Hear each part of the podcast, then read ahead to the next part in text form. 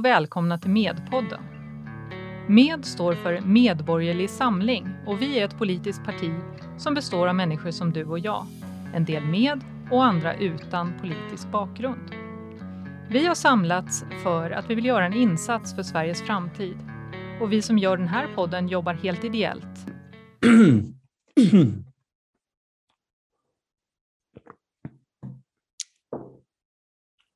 Hej och välkomna till Medpanelen med Medborgerlig Samling. Idag ska vi prata om ett väldigt aktuellt ämne, nämligen våra elpriser.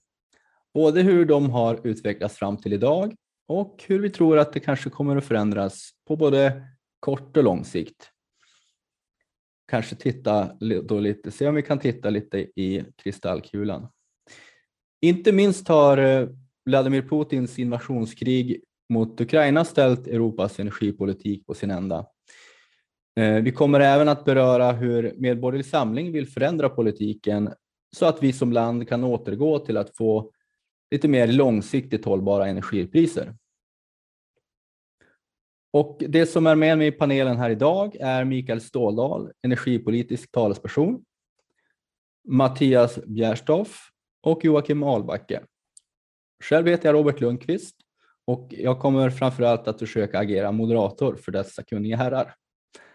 Men jag tänkte att ni skulle få möjlighet att själv introducera lite mer. Varsågod, Mikael, ska du börja? Ja, hejsan, Mikael Ståhlare heter jag. Jag är som sagt energipolitisk talsperson för Medborgerlig Samling. Eh, jag bor i Norrtälje, eh, strax norr om Stockholm. Mm. Och eh, ja, just det, jag jobbar som programmerare. Nästa person. Ja, jag kan väl ta vid då. Joakim Ahlbacke heter jag, det står ju på min byline där. Jag är ju energipolitiskt intresserad och har ju varit aktiv i, i det området inom partiet ett tag. Just nu sitter jag i eh, Kanada och jobbar.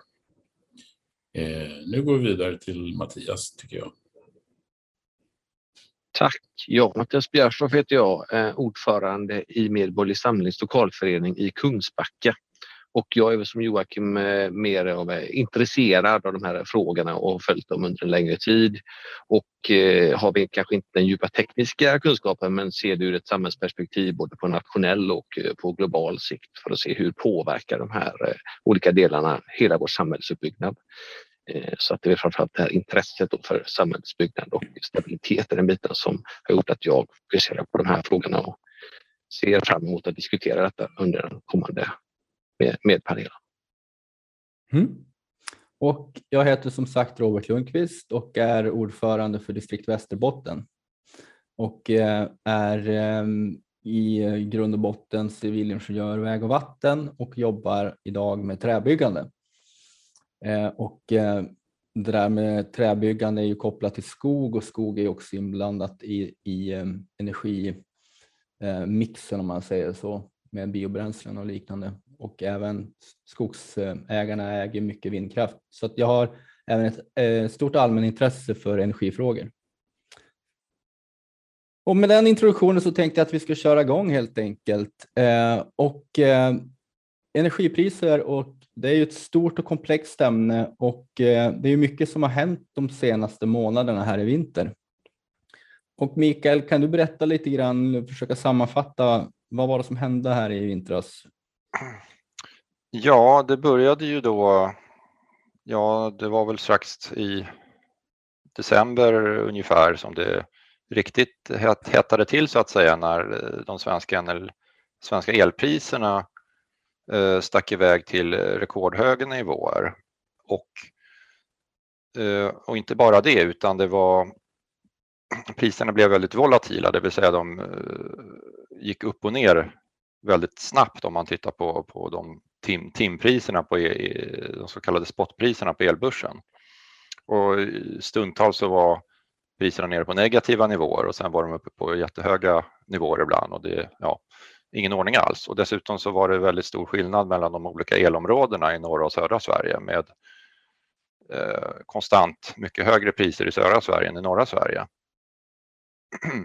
och eh, det här tyder ju på att det finns en stor obalans i Sveriges energisystem. Eh, och eh, det, det, är ju, det är ju ganska troligt att detta, eh, detta har utlöst av den eh, förtida avvecklingen av ett antal kärnkraftverk i Sverige nu senast då Ringhals 1 och 2.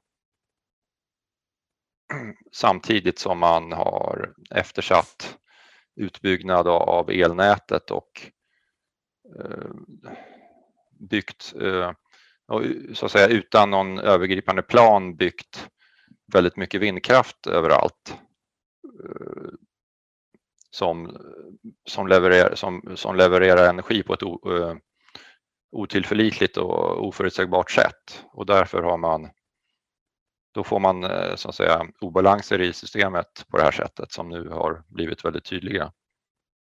Alltså hela den övergripande planen har ju varit i, i 20 år att avveckla kärnkraften. Det är ju det som har varit den övergripande planen i den mån det har funnits en övergripande plan. Eh, och det har ju enbart varit eh, destruktivt och kostat oerhörda mängder pengar. Precis. Sverige hade ju ett av världens, eh, om man ska säga bästa, men minst beroende av, av fossila bränslen, elsystem, i, på mitten av 70-talet. Efter oljekrisen har Sverige bestämde sig för att bygga de här kärnkraftverken och i princip nästan direkt så hade vi folkomröstningen om kärnkraften. Eh, och sedan dess har Sverige försökt avveckla det här elsystemet och energisystemet. Mattias, har du någonting du vill tillägga här? Ja, jag skulle vilja säga att hela situationen blev ju väldigt tydlig. Det här har ju varit under uppsegling som, som vi har talat om tidigare, men det blev ju väldigt påtagligt nu när, det, när den här krisen in, eh, helt enkelt slog till. Och, och, det blev ju en bizarr situation. Jag tror att de flesta har inte ens funderat på elpriset tidigare. Några har bundit, de flesta har haft det rörligt och, och har egentligen inte ens tänkt mer på det. Men plötsligt så kommer de här enorma svängningarna, vilket innebär att jämför man det med en vanlig vardagssituation så ena dagen så får du betala 40 kronor för mjölken och nästa dag så får du 2 kronor betalt för att handla. Vilket ju är en helt galen situation. Det är omöjligt att planera någonting. Och det inser ju de flesta också. Dels blir det väldigt svårt för de som är konsumenter som, som ska köpa elen, men också för att producera den. Det blir helt omöjligt att ha ett elpris som hoppar så upp och ner. Det, det blir helt tokigt. Hur ska man kunna bygga någon form av funktionellt samhälle utifrån det? Eh, och som sagt, vi har ju byggt upp den här situationen under många år, men vi har inte känt av den och nu blev det kännbart. Det blev väldigt, väldigt tydligt. Det visar ju helt enkelt hur stolligt våra tidigare politiker har. Ja, de har ju inte ens planerat utan man har helt utan konsekvensanalys egentligen lagt oss i den här situationen och nu är det ganska svårt att ta oss ur den. För nu, eh, man bygger inte ny kraft eh, på några månader utan det tar många, många år att bygga upp det. Och vi har en situation som kommer bli tuff framöver. Så att, eh, ja, det, det blir väldigt, väldigt påtagligt i samband med det här. Och Sverige eh, existerar ju inte i ett eh, vakuum, i en egen bubbla heller, utan våra energisystem eller elnät, de är ju sammankopplade med våra grannländer. Eh, och det var ju nästan värre, eller om inte värre, i hela norra Europa än vad det var i södra Sverige. Och då är frågan, hur, hur kan det bli på det viset? Hur kan hela Europa samtidigt hamna i en sån energikris? Ja, man har ju så att säga kopplat ihop de europeiska länderna med, el, eh, med elnät under, en, under flera decennier och det gör ju det att man, eh, det gör ju det att elpriserna så att säga, att både låga och höga elpriser så att säga smittar av på grannländerna. Eh, så vi, eh, vi är liksom ömsesidigt beroende av varandra och så och påverkas av varandra. Och, och, och tyvärr så har, är det ju inte bara Sverige som har fört en galen energipolitik utan Tyskland har ju fört en om möjligt ännu galnare energipolitik. Och det gör ju situationen ännu värre för oss. Mm. Eh, de har ju inte bara avvecklat kärnkraften, de har väl nästan ingen kärnkraft kvar nu utan de har ju... Det finns tre reaktorer tror jag som ska stängas tre, i kanske, år. Ja, precis, och de ska stängas i år. Mm. Um, och, och de har ju precis som Sverige byggt, upp, byggt ut väldigt mycket vindkraft och, och eftersom de inte har, någon har mycket vattenkraft att tala om till skillnad från oss så har ju de dessutom har ju detta dessutom lett att de har blivit beroende av eh, naturgaskraft för att eh, reglera systemet och det har ju ställt till enorma problem nu, eh, nu eftersom de är beroende av rysk naturgas då, vilket är ju ja, av lätt förståeliga skäl är mindre lämpligt i, i dagsläget. Det, det finns ju, eh, eh apropå Tysklands eh, energivände som det kallas, så eh, har man estimerat då att för att eh, Tyskland skulle klara sig med enbart vindkraft så skulle 2% av eh, landets yta behöva tas i anspråk. Ja, då tänker man så här, ja men 2 det kan vi väl avstå, det är inte så farligt. Eh, och sen så läser man att eh, alla byggnader i Tyskland, då tänker man ju på Tyskland som ett ganska tättbebyggt område ändå, alla byggnader som finns i hela Tyskland upptar en yta på en och en halv procent eh, av landets yta. Då förstår man att det är inte så himla lite de där två procenten. Alltså det är ju eh, enorma arealer. Eh, vi har ju, det skulle ju vara detsamma i Sverige också. Jag menar. Och det är ju också så att, och det har ju sagts många gånger, att Eh, om man har en, en stor mängd oplanerbar kraftproduktion, då måste man ju ha minst lika mycket planerbar eh, som kompenserar för de dagar, tider, tidpunkter som den oplanerbara inte levererar. Eh, och, och det här, så, så, att det är ju en lose-lose situation egentligen. Det, här. Jag menar, det har ju aldrig någonsin funnits låter jag som en agitator mot vindkraft här, men jag är inte mot vindkraft per se. Men det har ju aldrig någonsin funnits ett behov av vindkraft i Sverige. Eh, för när vi hade 12 reaktorer, eh, 50 procent från eh, kärnkraft, 50 procent från vattenkraft, det fanns ingen anledning att bygga ut vindkraften på något sätt. Den enda anledningen, eller den största anledningen, har ju helt enkelt varit att det har varit en metod att bli av med kärnkraften, har man trott. Eller rätt sagt, man kan göra sig av med kärnkraften, men man måste ju ändå ha planerbar ersättningskraft. Ja, och då finns det ju typ bara fossilt att välja på då, kol, gas och liknande. Tidigare pratades det mycket om att vi skulle spara el, vi skulle minska vårt el och leranvändning.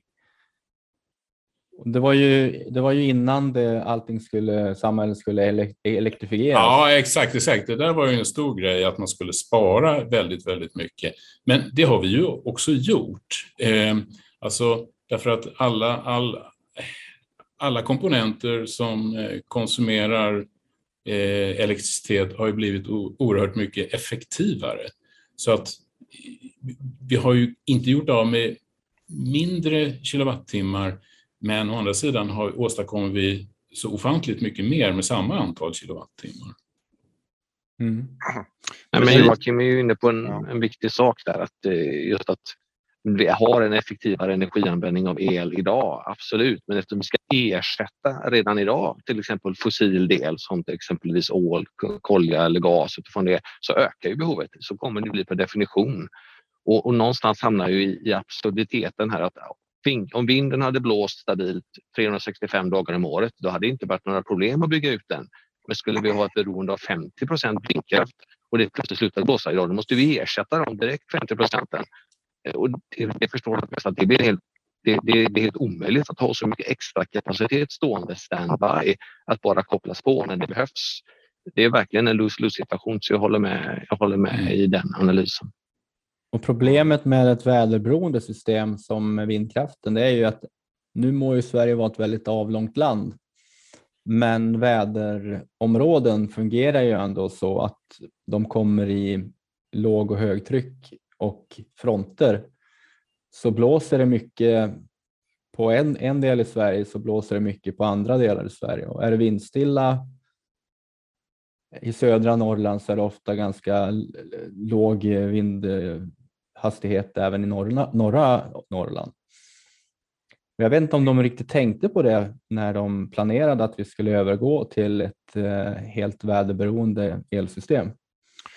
Nej, det är väldigt... Eh, det är, man kan verkligen, fråga sig hur de tänkte. Då. Så det är ju i och för sig så att, att Sverige har ju producerar ungefär hälften av sin el från vattenkraft och det är ju en stor fördel eftersom den Dels är den planerbar men den, är, den kan dessutom användas för att reglera annan kraft mm. eftersom man kan spara vatten i dammarna och lätt reglera upp och ner den. Och det betyder att vi kan ju ha en, en del vindkraft i systemet som regleras av vattenkraften. Eh, I synnerhet om vi dessutom har tillförlitlig eh, kärnkraft som baskraft så att säga. Kärnkraft är ju planerbar, den, man kan dock inte reglera den lika på ett bra sätt så den bör ju gå på konstant effekt hela tiden så att säga för att vara effektiv.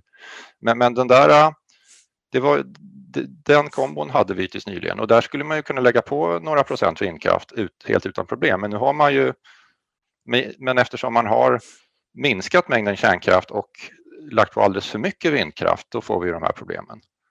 Och det där hade, borde man ju kunna förutsätta om man liksom räknat på det, men det verkar inte vara någon som har gjort det. Äh, utan Nej. det fick fortsätta så tills, tills vi och till slut så, så hamnade vi i de här obalanserna som vi ja, nu har blivit högst påtagliga. Och då stod vi där i vintras och eh, vad, vad, gjorde politikerna i Sveriges riksdag då för att kompensera elkunderna mot dessa, eh, dessa höga elkostnader som höll på att sätta dem på bar backe? Eh, Mattias? Ja, alltså det, till att börja med så ska man ju försöka förstå de personer som verkligen drabbades hårt utifrån det att, att normalt sett ha en elräkning på kanske 2-3 tusen i månaden och plötsligt är den uppe på 12. Det är ju en enorm påfrestning, speciellt om man är kanske ensamstående, om man är pensionär, om man är arbetslös utifrån det, inte har möjligheten att lägga ut de här pengarna så blir situationen akut. Jag riskerar ju att hamna på, på bar backe egentligen inom en, inom en månads tid. Det är en absurd situation. Mm. Eh, och givetvis så hade vi hoppats på att det skulle komma en snabb och kraftfull eh, åtgärd från regeringen. Det gjorde det inte. Man var bland de sista att agera utifrån det här. Och när det väl kommer ett åtgärdspaket, ja, då lägger man upp det på det sättet att de som förbrukar mest får en kompensation utifrån det. Inte de som har högst kostnader. Vilket blir oerhört märkligt eftersom att vi har haft en situation där egentligen elområdena 1 och 2 i norr har ändå haft förhållandevis låga priser jämfört med elområde 3 och 4 i syd. Men kompensationen då som går på hur mycket man har förbrukat, där gör man ingen skillnad utifrån det. Så man kompenserar helt ojämnt över landet, eh, vilket är ganska galet. Eh, jag tycker att hade man tagit tag i det och eh, reducerat skattemässigt att göra en, en neddragning av skattenivåerna eller energiskatter och även momsdelen utifrån det så skulle ju de högst kostnader ha kompenserats med en gång eh, och de som har haft lägre inte lika mycket. Det hade blivit ett betydligt mer rättvist system. Men nu valde man den här vägen istället, vilket för mig är totalt obegripligt. Att man, man svingar och slår helt fel. Och om det var något sätt att försöka gynna eh, de norrländska delarna eller vad det kan vara, jag har ingen aning. Men, men man missade ju helt målet med att göra en sån typ åtgärd och det tycker jag är, det är skamligt. Ja, man siktar väldigt brett och missar i princip målet. Det är ju som att ha en hagelbössa för att pricka en fluga. Och sen siktar man inte ens på flugan utan man siktar som i motsatt riktning nästan. ja, att, dessutom, men... kan man ju, ja, dessutom kan man ju tillägga att den här kompensationen som, som det blev, den var ju fördröjd. Den, den kom ju först typ ja, nyligen. Jag fick några hundra i kompensation och det kom ju typ för några vecka sedan. Mm. Eh, och om man har liksom väldigt snäva marginaler då är det ju alldeles för sent så att säga. Att, att, och det, det sa ju regeringen då när de införde det att vi, den kommer betalas ut senare, vi vet inte riktigt när, om några månader och det, då blir det helt omöjligt att planera sin ekonomi om man har små, små marginaler. Så lovar de väl även att eh, det skulle bara vara tillfälligt för ett visst antal månader. Eh, så det är ingen långsiktig Eh, kostnadssäkring för Sveriges elkonsumenter. Alltså det är som vanligt i det här kompensationstramset och, och tillfälliga lösningar istället för som vi föreslår att helt ta bort elskatten. Eller hur? Mm, precis. Ja, precis. Ta bort den helt och hållet för alla permanent. Mm. Men tror vi då att eh, vinterns eh, extrema priser bara var en tillfällighet just i år eller har vi att vänta oss liknande pris situationer även i framtiden? Ja, absolut. Ja, ja, det kommer bara att bli värre. Jag citerar, jag, har, jag kan rekommendera, jag har den här, den här utmärkta boken av eh, Jan Blomgren. Eh, allt du behöver veta om Sveriges, eh, vad heter det nu, elförsörjning. Ja. Alltså det finns ju ingen quick fix och eftersom obalanserna har kommit för att stanna och till och med eskalera än mer så eh, kommer det ju, det kommer att spreta oerhört eh, framöver i kanske fem, tio år, åtminstone 5 år. För som sagt, det finns ingen quick fix. Det, det som det råder underskott på är ju eh, planerbar fossilfri elproduktion. Och den, den har vi ju förstört. Och som det står i den boken, vi hade ett, och det har vi redan sagt, ett bättre, ett, ett stabilare eh, elsystem 1985 än vi hade 2020. Eh, och eftersom vi, det vi har förstört tar ju liksom minst lika lång tid att, att ersätta, att äh, återskapa. Mm. Jo, det, det jag, håller med, jag, jag, håller med Mikael där, eller jag håller med vad heter Joakim där att problemet är ju som sagt att situationen har ju fått växa sig dålig under så lång tid. Det är som att vi haft en bil som, som vi kört ner hjulen så länge så att det blir pyspunka på alla fyra däcken på en gång och då blir det väldigt svårt att åtgärda det snabbt. Hade vi gått in på ett tidigare sätt och börjat åtgärda det så hade det gått, men nu står vi där och vi behöver kapacitet och den finns inte och den tar otroligt lång tid att bygga oavsett vilken väg vi väljer. Och det mm. enda regeringen pratar om är havsbaserad vindkraft. Alltså ännu mer av det bekymmer som vi satt oss i. Vi ska alltså mer av den medicinen som gjort oss så här sjuka. Det är fullständigt galet. Jag såg något uttalande av energiministern här, om det var idag eller igår, där han tyckte att eh, havsbaserad vindkraft, det skulle man kunna bygga ut bara på några år, men hur ligger det till med det där egentligen? Eh, eh de här havsbaserade vindkraftsparkerna som vi har, hur snabbt har det gått att få dem på plats? Ja, eh, det vet jag inte, men, men finns det några överhuvudtaget? Eller rätt sagt, finns det några som är lönsamma? Det gör det ju inte. De eh, fungerar ju eh, med subventioner. Världens största vindkraft, havsbaserade vindkraftspark går ju med stor förlust och kan ju enbart redovisa plusresultat eh, på grund av subventionerna den får. Ja, det är möjligt att man kan bygga ut det på ett par år, men, men men det kommer inte lösa problemet och det spelar ingen roll. Eh, jag menar, man kan bygga ut det på en vecka eller på mm. två år eller på fem år, men det spelar ingen roll för det kommer inte lösa problemet i alla Nej, fall. Nej, det löser inte problemet och det är det som är det viktiga. Som sagt, mycket går att bygga men väldigt lite saker är motiverade att bygga. Säga. Och sen, sen ska man komma ihåg att det finns ju mycket som tyder på att det kommer bara bli värre och värre tills vi har faktiskt lyckats göra någonting åt det om man liksom bara låter allting flyta på. Eftersom nu, nu Sveriges elförbrukning har ju legat relativt konstant mm. under mm. flera decennier men nu finns det mycket som tyder på att den kommer öka kraftigt framöver på grund av att vi använder el till nya saker. Det är liksom elbilar, det är mer och mer IT, datorer, dat, eh, serverhallar och så vidare och så vidare. Och sen kommer här med eh, fossil, den nya industrin då, man ska tillverka fossilfritt stål och, och så vidare. Northvolt batterifabriker, batterifabriker ja. och, så menar, och så vidare och så vidare. Och det, det där är ju av, finns ju ett gott syfte med det där, för det syftar ju i mångt och mycket till att minska industrins och transportsektorns användning av fossila bränslen. Så det här är ju bra, men det kommer ju leda till att Sveriges energi, eh, elanvändning kanske kommer fördubblas på, på de närmsta 20 åren.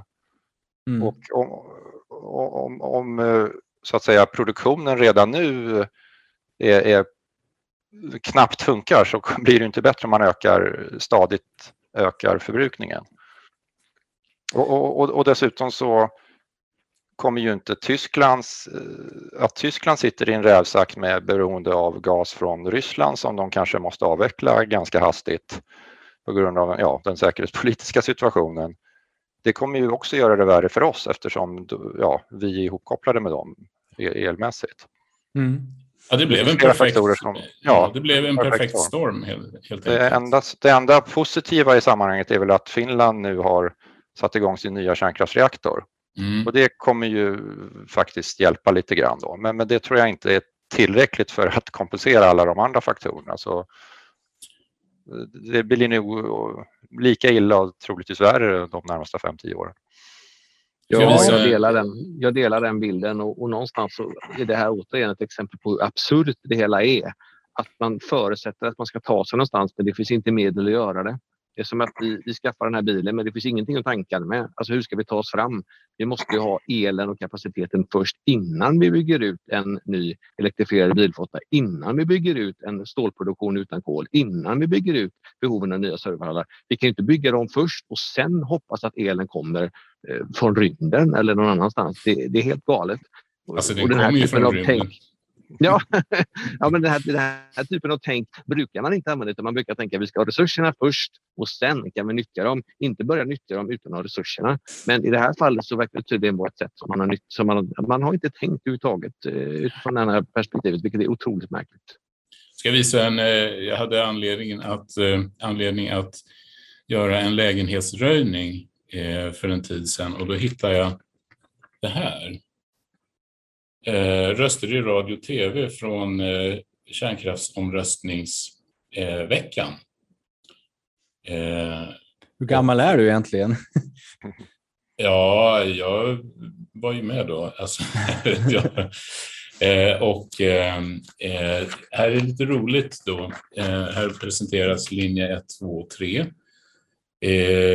och så finns en liten bildserie här. Då ser vi att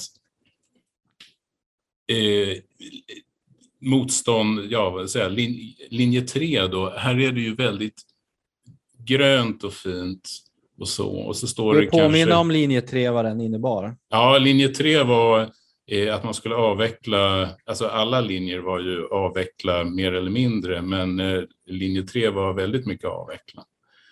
Eh, och eh, här, här står det liksom eh, sju, åtta vindsnurror här då, och ser lite trevliga ut och så, och så går det tåg här.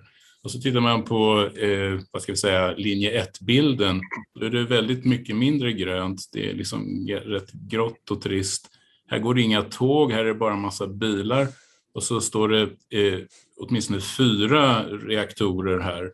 Som att de här fyra reaktorerna och de här åtta vindsnurrorna av, den, av en väldigt gammal typ dessutom som knappt producerar några eh, watt alls, att det skulle liksom vara jämförbart. Här skulle ju liksom stå kanske en, en, en tusendels, en hundradels reaktor. Om det liksom ska vara Eller så skulle jämvikt. bilderna vara helt, helt täckt av en skog av uh, vindsnurror. Ja, precis. Mm. Och inte alls något grönt. Så det var tendensiöst, eh, milt sagt. Redan då? Ja, redan då var det väldigt hårt vinklad propaganda. Mm. Jag tänkte medborgerlig samling. Vi har ju sagt att vi vill att ja, inte vi då, men att vi vill att det ska byggas mer. Vi vill öppna upp för att det ska kunna byggas mer kärnkraft i Sverige. Eh, men lyssnar man då på kärnkraftsmotståndarna så menar de ju att vi får bara högre elpriser eh, med mer nybyggd kärnkraft för att de, de hävdar ju att det, kärnkraften kan inte producera billig el. Men hur ligger det egentligen till med det där? Hur fungerar elpriser? Ja, alltså man kan ju bara konstatera, se på verkligheten. Alltså, grejen är den att kärnkraftmotståndarna har ju hittills så att säga i mångt och mycket fått som de vill. Har, man har inte byggt någon ny kärnkraft, man har lagt ner en stor del av Sverige, eller ungefär hälften av Sveriges kärnkraft och, och man har byggt en massa vindkraft. Och det har lett till att eh, elpriserna har blivit så här höga och uh, oförutsägbara. Så eh, man kan ju konstatera att deras analys, den håller ju inte. De, de har, ju, de, har ju, de har ju sagt att, det, att gör vi som vi vill då blir elpriserna låga och fina men vi har gjort som de vill och de blev jättehöga. Det funkade inte. Alltså måste vi prova någonting annat. Eh, och, och, det är ju så att bygga ny, ny kraft i, är ju dyrt oavsett vilken sorts kraft man bygger så att säga. Men eh, bygger man ett kärnkraftverk, det beräknar man ofta att det ska hålla i 60 år ungefär. Minst? Så, eh, ja, minst. Så man kan ju inte bara man kan ju inte räkna med att, att, att man ska liksom ta ta igen hela den investeringen på första årets produktion så att säga. Det, det, det verkar ju som att de lite räknar så så att säga. Och, och, så är det väl lite grann idag om om man ska investera i nya reaktorer idag. För Sveriges riksdag har ju sagt att vi ska ha ett, ett förnybart, 100% förnybart energi, elsystem redan om några decennier, ett par decennier. Jag tror det var 2045 om jag inte minns fel. Och då är det ju svårt att från och med nu, idag då, planera, söka tillstånd, planera och bygga en ny kärnkraftsreaktor och sen ska den i princip vara stoppad bara om några decennier. Det är ju väldigt svårt att räkna hem en sån investering. Ja, det är ju framförallt det, det där som är en hämsko då för de som eh, vill investera i, i ny kärnkraft. Och det finns ju en hel del som vill det.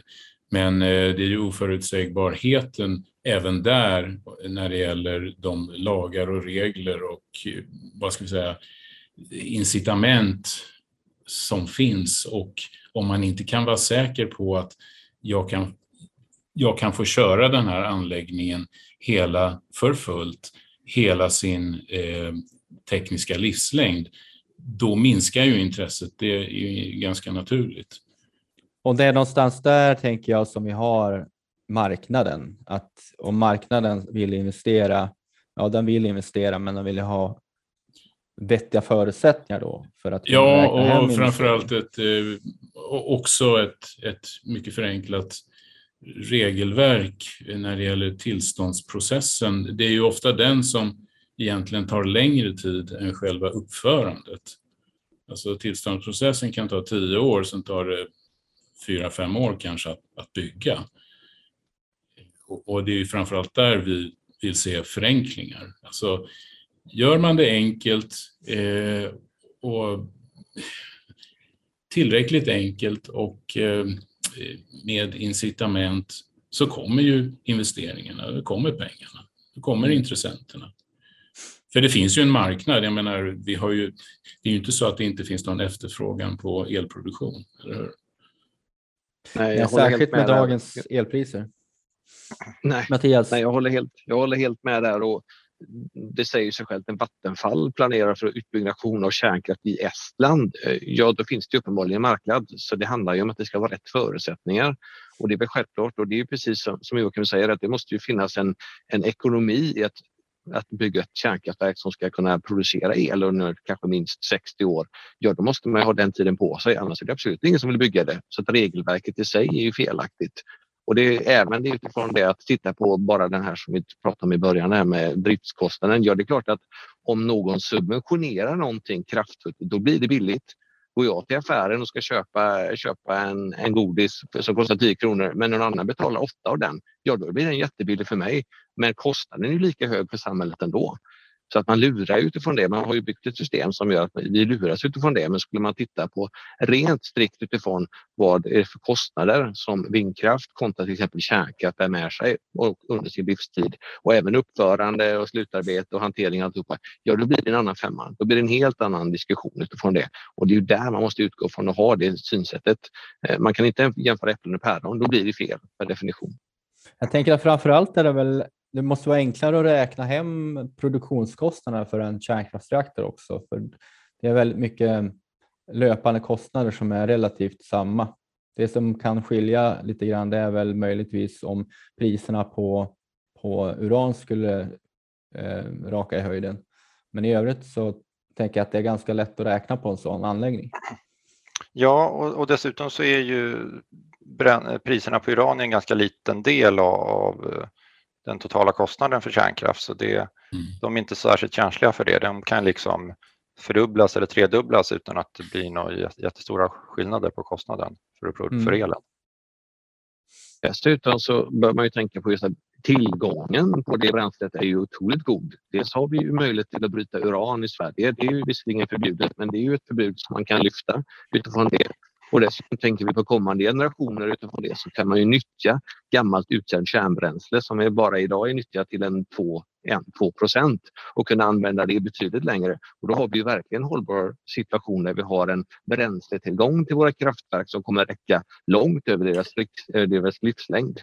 Eh, så det är ju det är ett ypperligt tillfälle att kunna satsa på det, för det blir verkligen hållbart, det blir långsiktigt. Och dessutom så kan man ju lugna alla som är lite oroliga att ja, men vi kommer inte bygga den standarden som man hade i Tjernobyl.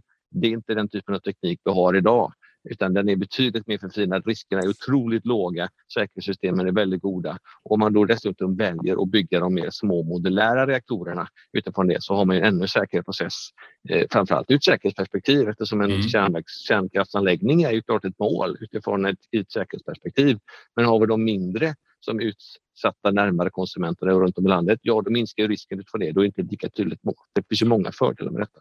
Ja, det är en viktig aspekt detta med att just de är fler och eh, mindre och lite utspridda. Så det blir inte de här stora, vad ska vi säga, eh, strategiska målen heller om man nu är orolig för den saken. Och eh, Sverige skulle även vara då mer självförsörjande på energi om vi skulle ha egen brytning eller kunna åter ja, upparbeta uttjänt bränsle. Precis, jag tror det finns väl en, eh, ja, det finns en, eh, en bränslefabrik i Västerås, va? men den eh, eh, kommer inte ihåg riktigt vad den, den exporterar mest. Ja, en liten del. Det är Westinghouse som har den tror jag. Eh, var, men det var inte det jag skulle säga. Eh, ja. Ja, jag, jag tappade tråden där lite. Men, eh, jo, nej, men det finns ju den här tekniken med små modulära reaktorer som är på väg nu, den är ju väldigt lovande av, av, av flera skäl. Och inte minst då att man kan bygga reaktorer, eh, mindre reaktorer som då blir billigare att bygga så slipper man ha en väldigt stor investering i början så att säga. Och det, det betyder ju att kanske mindre aktörer som inte har lika mycket, lika stora finansiella muskler kan också ge sig in och, och bygga kärnkraft. Eh, och man kan också bygga dem då där, där det behövs så att man kan få eh, producera el nära, närmare konsumenterna, vilket jag tror är en stor fördel. Jag tror att Sverige skulle behöva mer närproducerad el. Det, det, det talas ju mycket om att man måste bygga ut el, eh, elnätet väldigt mycket så att man kan ta överskottet som vi har i norra Sverige från framförallt vattenkraft och viss mån vindkraft och transportera ner det till södra Sverige där det är underskott. Men det, jag tror inte att det är någon bra idé. Jag tror det är bättre att, så att säga, bygga ut mer eh, produktion där den behövs och i dagsläget då i, framförallt i södra Sverige för då minskar man sårbarheterna och ja, det blir ett mer robust och mindre sårbart system helt enkelt. Och dessutom så kommer ju den här nya basindustrin som framförallt förläggs i norra Sverige att äta upp det överskott som finns där. Mm. Ungefär lagom till att de nya elledningarna blir klara. Så det, det är en, ja, ganska meningslös, vore en ganska meningslös investering. Vi hade ju redan då höga priser i vintras, men så den 24 februari i år så inledde då Vladimir Putin sin förnyande eh, fullständiga invasion av grannlandet Ukraina. Och eh, vilken effekt fick det, den händelsen på energipriserna i norra Europa? Mikael? Ja, det här eh, det fick väl inte någon eh, omedelbar effekt på just elpriserna i Sverige för där hade vi redan fått den effekten så att säga. Eh, men det, det, kommer ju, det gör ju nu att, att framförallt priserna på drivmedel, bensin och diesel och så har ju skjutit i höjden istället eftersom eh, eh, eftersom på grund av de ekonomiska sanktioner man inför mot Ryssland då, och man vill inte importera olja från Ryssland och då stiger, då stiger eh, världsmarknadspriset på olja och det får ju direkt genomslag på bränslepriserna i Sverige. Och detta i kombination med att vi har väldigt ambitiös så kallad reduktionsplikt som betyder att man måste blanda, att man måste blanda ut bensin och diesel med viss andel biodrivmedel och det är ju en ambition som, som höjs successivt. Och, och, och, det har visat sig att det där är också så att säga, en flaskhals, det är svårt att få tag på, det är dyrt. Och ofta importeras den, eh, bland annat från Ryssland faktiskt, ironiskt nog. Eh, så det, och tillsammans med att Sverige tills nyligen har haft väldigt höga skatter på bensin och diesel har ju gjort att eh, ja, priserna på bensin och diesel har också blivit rekordhöga. Eh, Magdalena Andersson och andra inom vänstern har ju pratat mycket på sistone om Putinpriser. Mm. Men vad eh, består egentligen drivmedelspriserna av? Vad, vad är, det, är det, hur mycket går till Putins krigsmaskineri och hur mycket hamnar i Magdalena Anderssons krigsmaskineri? Ja, nej, men I krigsmaskineriet hamnar det ju ingenting, för försvaret ska, måste ju få en egen skatt. Så det hamnar ju inget i Magdalenas krigsmaskineri. Blir det nya värnskatten där? Nej men eh, Mattias, du skulle säga något. Ja, nej men jag tror att många med mig minns nyårsafton eh, mellan 2021 och 2022. I alla fall då passade jag på att tanka upp bilen för då visste jag att nej, men det kommer att bli väsentligt högre nu när vi går över till det nya året. Och vips så steg det med i princip två kronor där någonstans. Och det tyckte vi var mycket då när det gick över 20 kronor. Men sen har det ju fortsatt att trycka på så att vi hade ju redan höga priser. Sen givetvis att den här militära konflikten som finns där har ju gjort att marknaden har darrat eh, och självklart så, så finns det en osäkerhet som gör att oljepriset har stigit. Det är ju självklart. Men i grund och botten så är det ju inte Putins anfallskrig mot Ukraina som är anledningen till att vi har väldigt höga priser och framförallt så borde det vara en situation som ser jämnt ut i hela Europa. Men så har det inte varit. Sverige har ju varit världsledande i att ha högst priser på både diesel och bensin och även på förnybart utifrån det HVO och de här bitarna. Så att det stämmer ju inte utan det är ju helt andra mekanismer som gör att vi har väldigt höga bränslepriser och de behöver man ju korrigera. Jag har inget bekymmer med att vi har ett högt pris på drivmedel därför att råoljan är dyr. Det är en självklarhet. Men vi ska inte ha en straffbeskattning som gör att svenskarna drabbas extra hårt det är ju helt galet utan vi ska i så fall som alla andra drabbas utifrån det och där är ju självklart en sänkning av skatterna. Eh, både energiskatten men även momsen då som trycker upp att vi har skatt på skatt. Någonting vi borde göra. Det har man ju påbörjat ett arbete med men vi är långt ifrån klara. Vi behöver komma ner betydligt längre utifrån det, ta betydligt större steg för att nå en rimlig situation. För att vi blöder ju framförallt landsbygden med den här typen av politik. Det är helt galet. Mm. Ja. Och, sen, och, sen, måste vi dessutom eh, så att säga reducera reduktionsplikten eftersom den bidrar till att ytterligare pressa upp, upp priserna till högst tveksam nytta. Så, och även där så sticker ju Sverige ut för reduktionsplikten grundar sig i ett EU-direktiv som, som, stipulerar att alla länder i EU ska ha någon form av reduktionsplikt men, men på en viss nivå, minimumnivå, men Sverige har ju lagt sig långt över den. Så så, och på samma sätt som Sverige åtminstone tills nyligen hade väl, ja, högre, skatt, eh, högre skatter än eh, väl tror jag alla andra länder inom EU. Så Sverige har ju liksom alltid stuckit ut i, vilket också har gjort att vi har haft högt, högst priser. Och, och det kan man inte skylla på Putin. Nej, det har ju varit en strategi att, höj, att uh, hela tiden höja bränslepriserna, drivmedelspriserna för att få bort eh, fossilberoendet. Och man vill ju ändra bilflottan till att ha en mer eldriven personbilsflotta.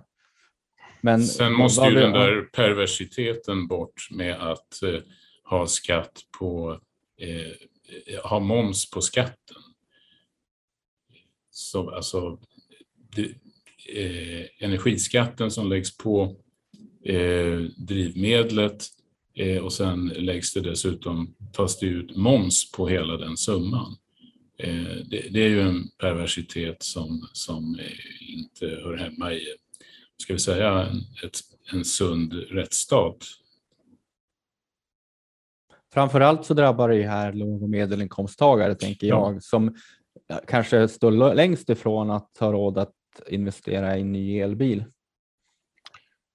Ja, och dessutom kan man ju kan man ju anta att, att folk nu senaste halvåret har blivit mer skeptiska till att investera i en elbil just på grund av att elpriserna också har stigit.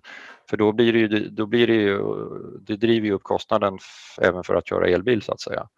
Nu är det väl fortfarande billigare att köra elbil än en annan bil eftersom allting har blivit dyrare men, men det gör ju inte att det gör ju inte det mer attraktivt att ha elbil så att säga man, man kan inte förvänta sig att folk, att alla omedelbart ska köpa en elbil om, om elförsörjningen är, är svajig.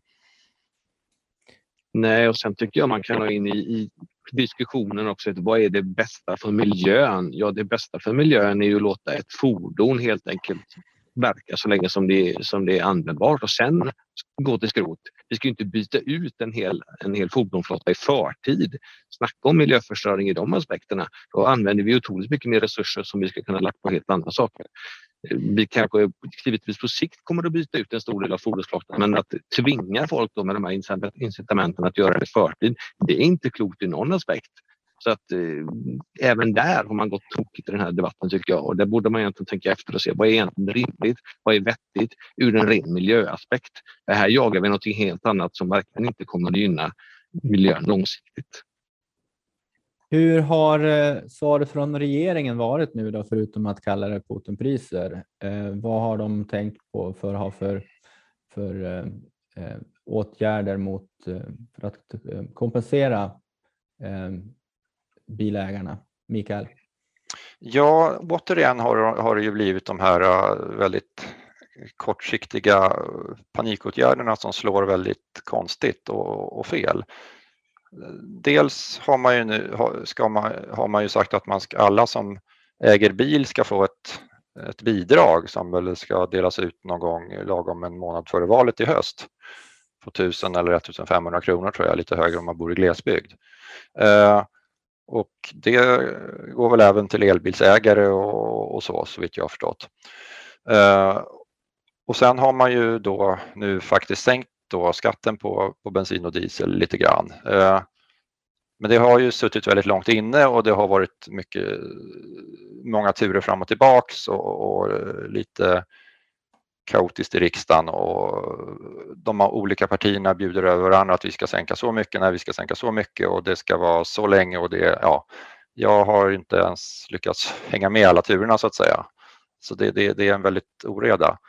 Återigen så, så, måste vi ha ett långsiktigt hållbart system så, som, som man inte behöver liksom panikartat justera massa saker så fort någonting händer i omvärlden. Och det har vi verkligen inte. Nej, och jag kan tycka det är lite pinsamt nästan att höra många av de här företrädarna som fram tills helt nyligen stod upp och slogs för den här reduktionsrätten fullt ut. Och nu plötsligt så lägger man backen i. Nej, nu blev det för mycket. Nu är det mer så här går det inte. Ja, men så här lät det inte för ett halvår sedan. Då var det helt okej. Okay. Då stod ni bakom det liksom till 100 procent, men nu vänder det. Nu vänder man kappan. Alltså, det, det är bara pinsamt att, att liksom när, när effekten kommer fullt ut, vad man gärna vill åtgärda, då vänder man. Det är helt galet och även här har vi ju en perversitet tycker jag utifrån att vi tar in så mycket skatt så vi måste ge bidrag för att människor ska kunna betala den. Ja, men grundproblemet är ju att skatten är för hög då. Om den sänks från början så har vi inte grundproblemet och nu får vi en massa transfereringar som bara skapar onödigt arbete och ytterligare ökade kostnader. Och vem får betala det i slutändan? Jo, det blir konsumenterna och skattebetalarna. Så att det är ett generalfel direkt och där är det precis samma sak som elstödet. Vi ska ju sänka de pengar som går in till statskassan felaktigt. Vi ska inte ta in så mycket så vi behöver ge tillbaka dem igen. Då är vi fel ute. Precis. Och sen bör man väl också komma ihåg att det handlar inte bara om att skatterna på, på el och eh, drivmedel har varit höga utan vi har ett allmänt högt skattetryck i Sverige och inte minst höga inkomstskatter som ju eh, hade man haft ett lägre skattetryck och lägre inkomstskatter då hade ju folk haft mer pengar över och då hade de inte drabbats lika hårt av, av höga energipriser. Så det handlar inte bara om att sänka energiskatterna. Vi i Medborgerlig Samling vill ju ganska kraftigt sänka övriga skatter som, som framförallt inkomstskatter också så att folk faktiskt har, får mer pengar över och har råd med saker. Ja men precis. Jag tänkte bara lite kort innan vi går över till att prata om våra egna lösningar.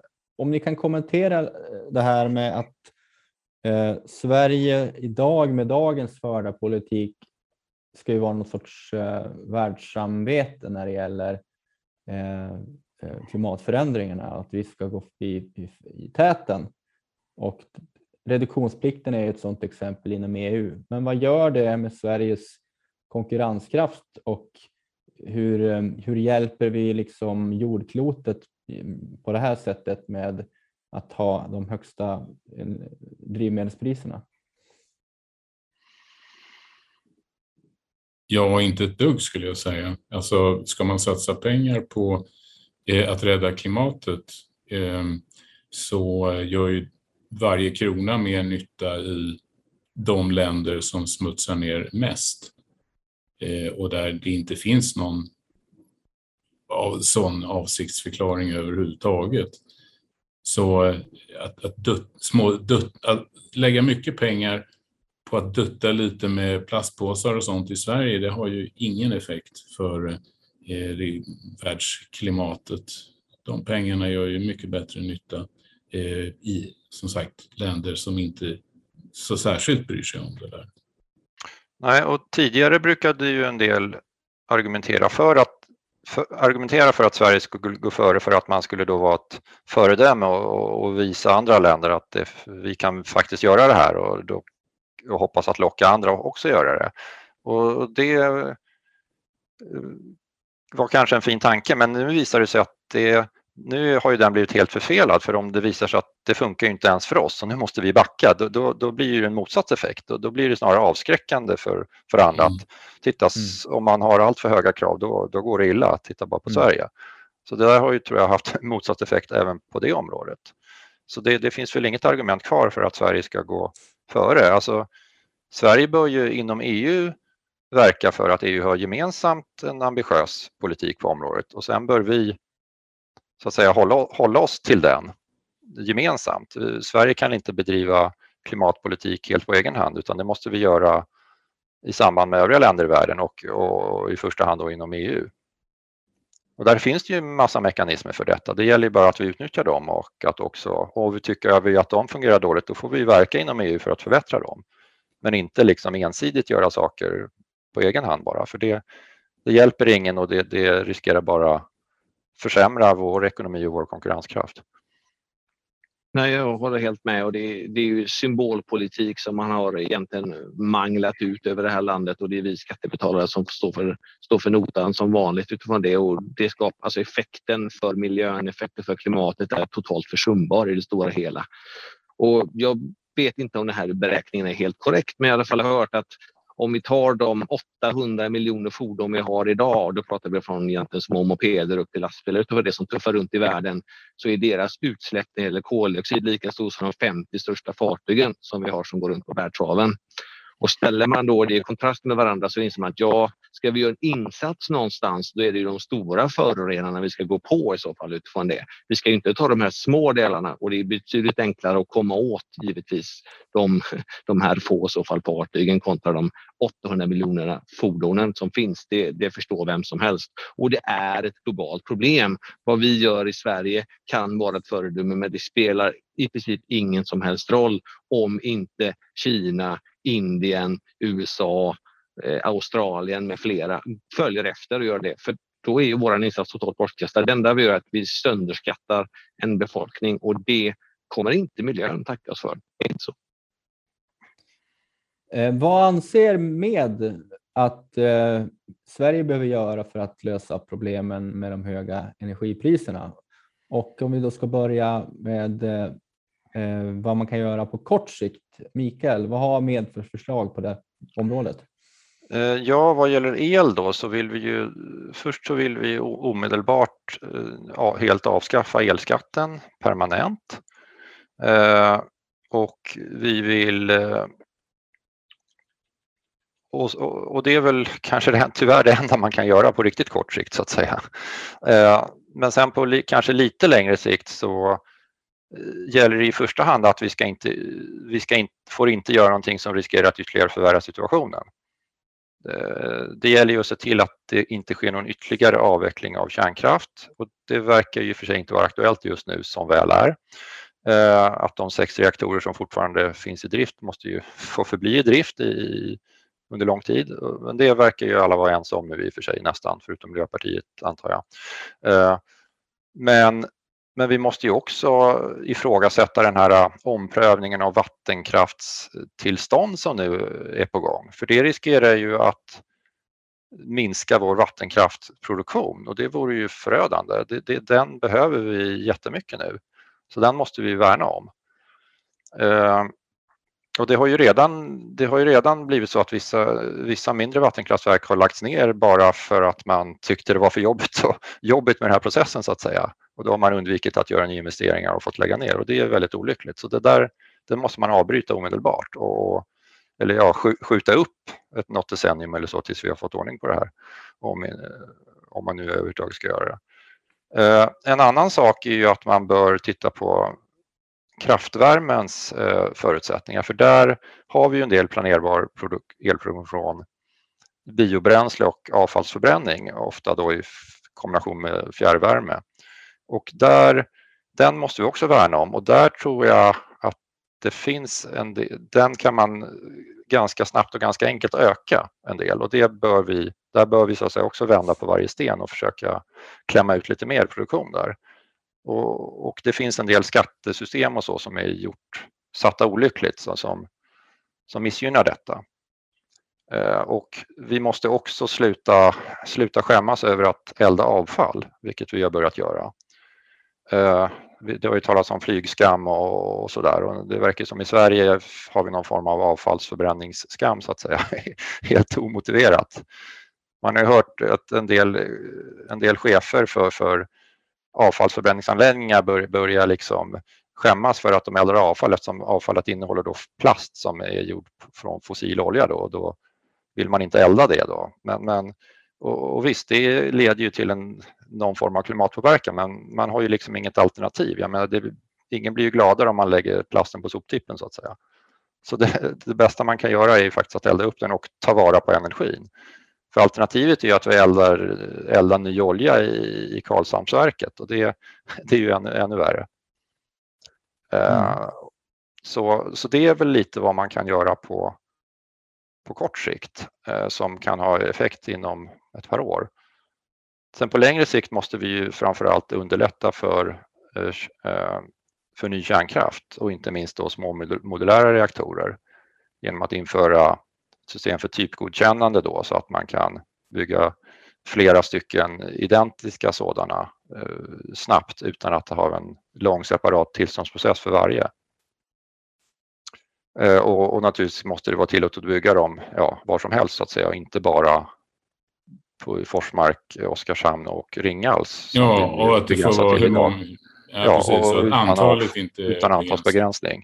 Mm. Um, För i nuvarande bara... lagstiftning, då är det väl en begränsning på de ja, man får... specifika punkterna? Ja, man får bygga och hur många man får bygga. Ja, och man får bara ha tio i drift och nu har vi sex då, så man får bara bygga fyra nya då. Och det är ju mm. väldigt få om man snackar om SMR. Vi behöver betydligt fler än så om man bygger små reaktorer.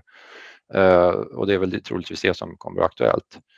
Men det här kommer väl tyvärr inte ha någon effekt förrän kanske efter fem eller tio år då. Men bara för att effekten är fördröjd betyder ju inte det att man kan vänta mer utan även de långsiktiga åtgärderna måste vi påbörja omgående. För vi kommer ju behöva el om 10 år också, om 15 år, om 20 år och så vidare, till och med mer än idag verkar det som. Så det är väl lite, lite kort eh, vad vi tycker att man bör göra om, om just el. Mm. Och när det gäller eh, drivmedel, vad säger vi där? Ja, just det. Ja. Vad gäller drivmedelspriser så dels, dels vill vi ju sänka reduktionsplikten så att vi lägger oss på EUs eh, miniminivå på, mm. för både bensin och diesel. Eh, sen vill vi ta bort ja, momsen på energiskatten och sen bör man ju se till att sänka energiskatten permanent så att den hamnar på en, ja, någon form av EU-snittnivå så att säga och målet bör ju vara att pris, priset på bensin och diesel i Sverige är ungefär lika mycket som i våra grannländer och övriga EU-länder. Eh, så det, det är väl lite kort vad man bör göra med, med drivmed, på drivmedelssidan. Däremot så förespråkar vi ju inte att man ska att Sverige ska liksom sänka sänka skatterna och försöka pressa ner priserna mycket mer än alla andra. Det, det finns det ju inte heller någon anledning till. Det, det, jag har hört att det finns vissa andra partier som har varit inne och eh, funderat på det utan eh, om, om, rå, om, så att säga, om olja är dyrt på världsmarknaden, ja då kommer drivmedel eh, bli dyrt även i Sverige och det, det får vi liksom leva med. Så att säga, vi, vi kan inte införa subventioner heller, vilket det skulle bli i slutändan om man verkligen vill pressa ner priserna. Men, men priserna i Sverige bör vara ja, lika höga som våra grannländer, var, varken högre eller lägre skulle jag säga. Ja, och vi vill ju inte ha några subventioner eh, egentligen överhuvudtaget, vare sig på vindkraft eller, eller någonting annat. Precis. Nej, det är väl där det landar någonstans att konkurrensen måste ske på lika villkor utifrån mm. det och Precis. respektive kraftslag måste stå på egna ben och då kommer det ju visa sig. Är det lönsamt att driva vidare en verksamhet med olja, kol eller är det vattenkraft eller är det kärnkraft eller vindkraft? Mm. Ja, det blir väldigt tydligt då. Men det här sättet att trixa och dels använda ett snårigt regelverk som fördyrar och försvårar och dessutom ha subventionering i olika delar gör ju att det är omöjligt att veta egentligen vilken typ av produktion är bäst för vårt svenska samhälle. För det är där vi landar. Vi vill ha en billig och stabil elproduktion för Sverige. Det tjänar vi på. Det tjänar vi alla på. Det finns ingen som förlorar på det. Eh, och det kommer verkligen stärka vår konkurrenskraft och då måste det ju kunna visa sig utifrån att men så här är de faktiska förhållandena. Så här är vilka förutsättningar som faktiskt finns för varje kraftslag och därför är det viktigt att det ska vara konkurrens på lika villkor. Mm. Precis, konkurrens mellan olika kraftslag och också konkurrens mellan olika länder så att säga på, på lika villkor mellan Sverige och andra länder. Eh. Om man, om man skulle prata lite grann om hur lång tid det tar att få ny kärnkraft på plats. Eh, vad kan man säga om det? På 70-talet och 80-talet byggde vi ju 10 kärnkraft, nej var det 12 kärnkraftsreaktorer vi byggde på i princip 10 år eller, eller vad det var. Eh, men hur, skulle, hur lång tid skulle det ta idag att bygga nya kärnreaktorer?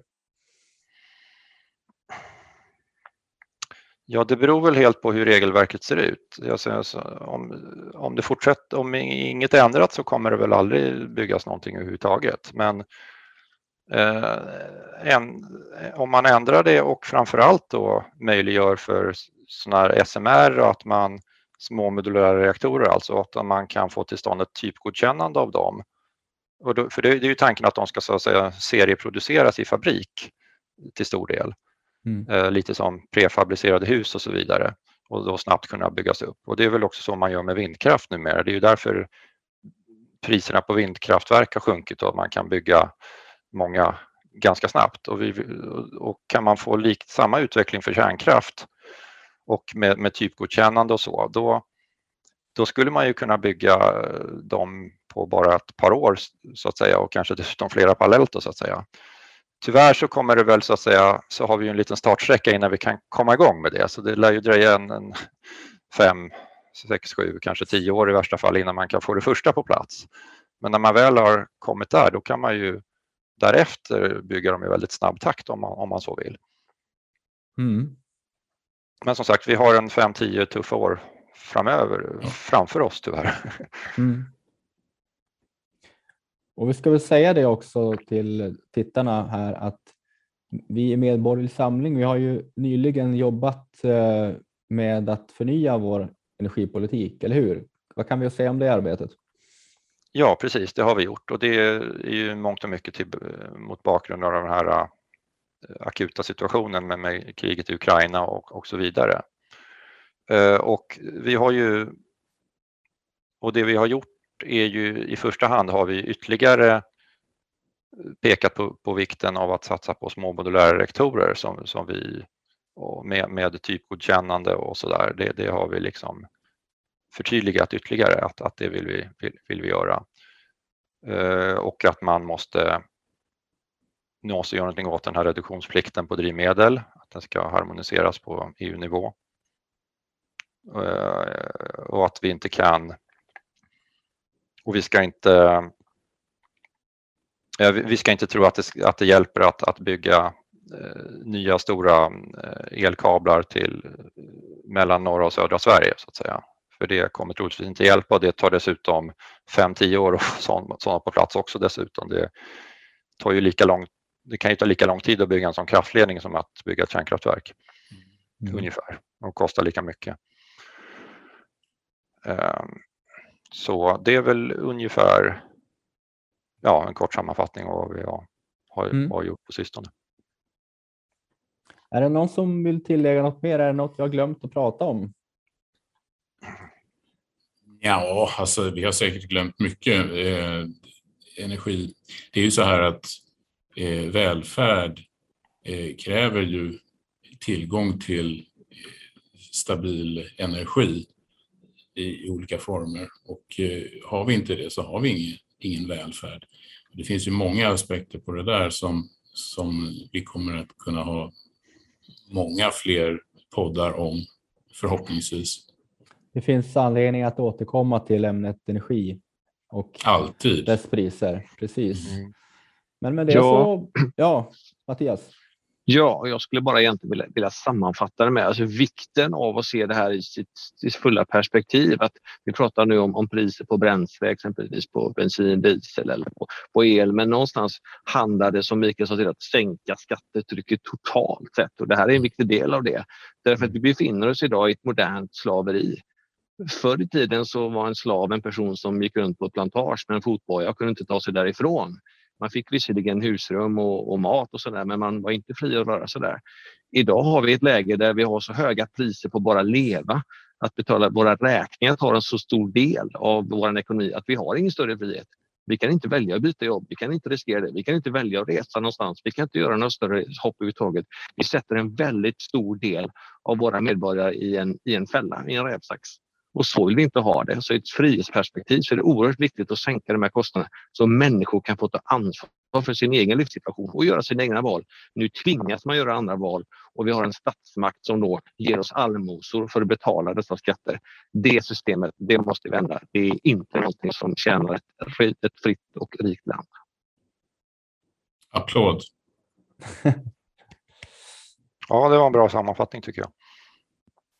Men med de orden så vill jag tacka Mikael Ståldal, Mattias Bjärstaff och Joakim Ahlbacke för den här podden. Och eh, till tittarna så kan jag uppmana er att gå in på vår hemsida www.med.se numera också. Läsa mer om vår energipolitik. Och som vanligt följ oss även i våra sociala medier på Twitter, Facebook, Instagram, Youtube. Ja, vi finns, vi finns i alla kanaler helt enkelt. Så med det, på återhörande och återseende. Tack för idag. Tack. Tackar. Tack. Du som har lyssnat på podden, återkoppla gärna till oss i Medborgerlig Samling i kommentarsfälten. Du har nu lyssnat på Medpodden, en podcast från Medborgerlig Samling. Vi som gör den här podden jobbar ideellt. Och om du vill stödja Medpodden får du gärna göra det via swishnummer 123 094 0197. 123 094 0197. Pengarna går till produktionskostnader för den här podden och andra mediaproduktioner som vi gör.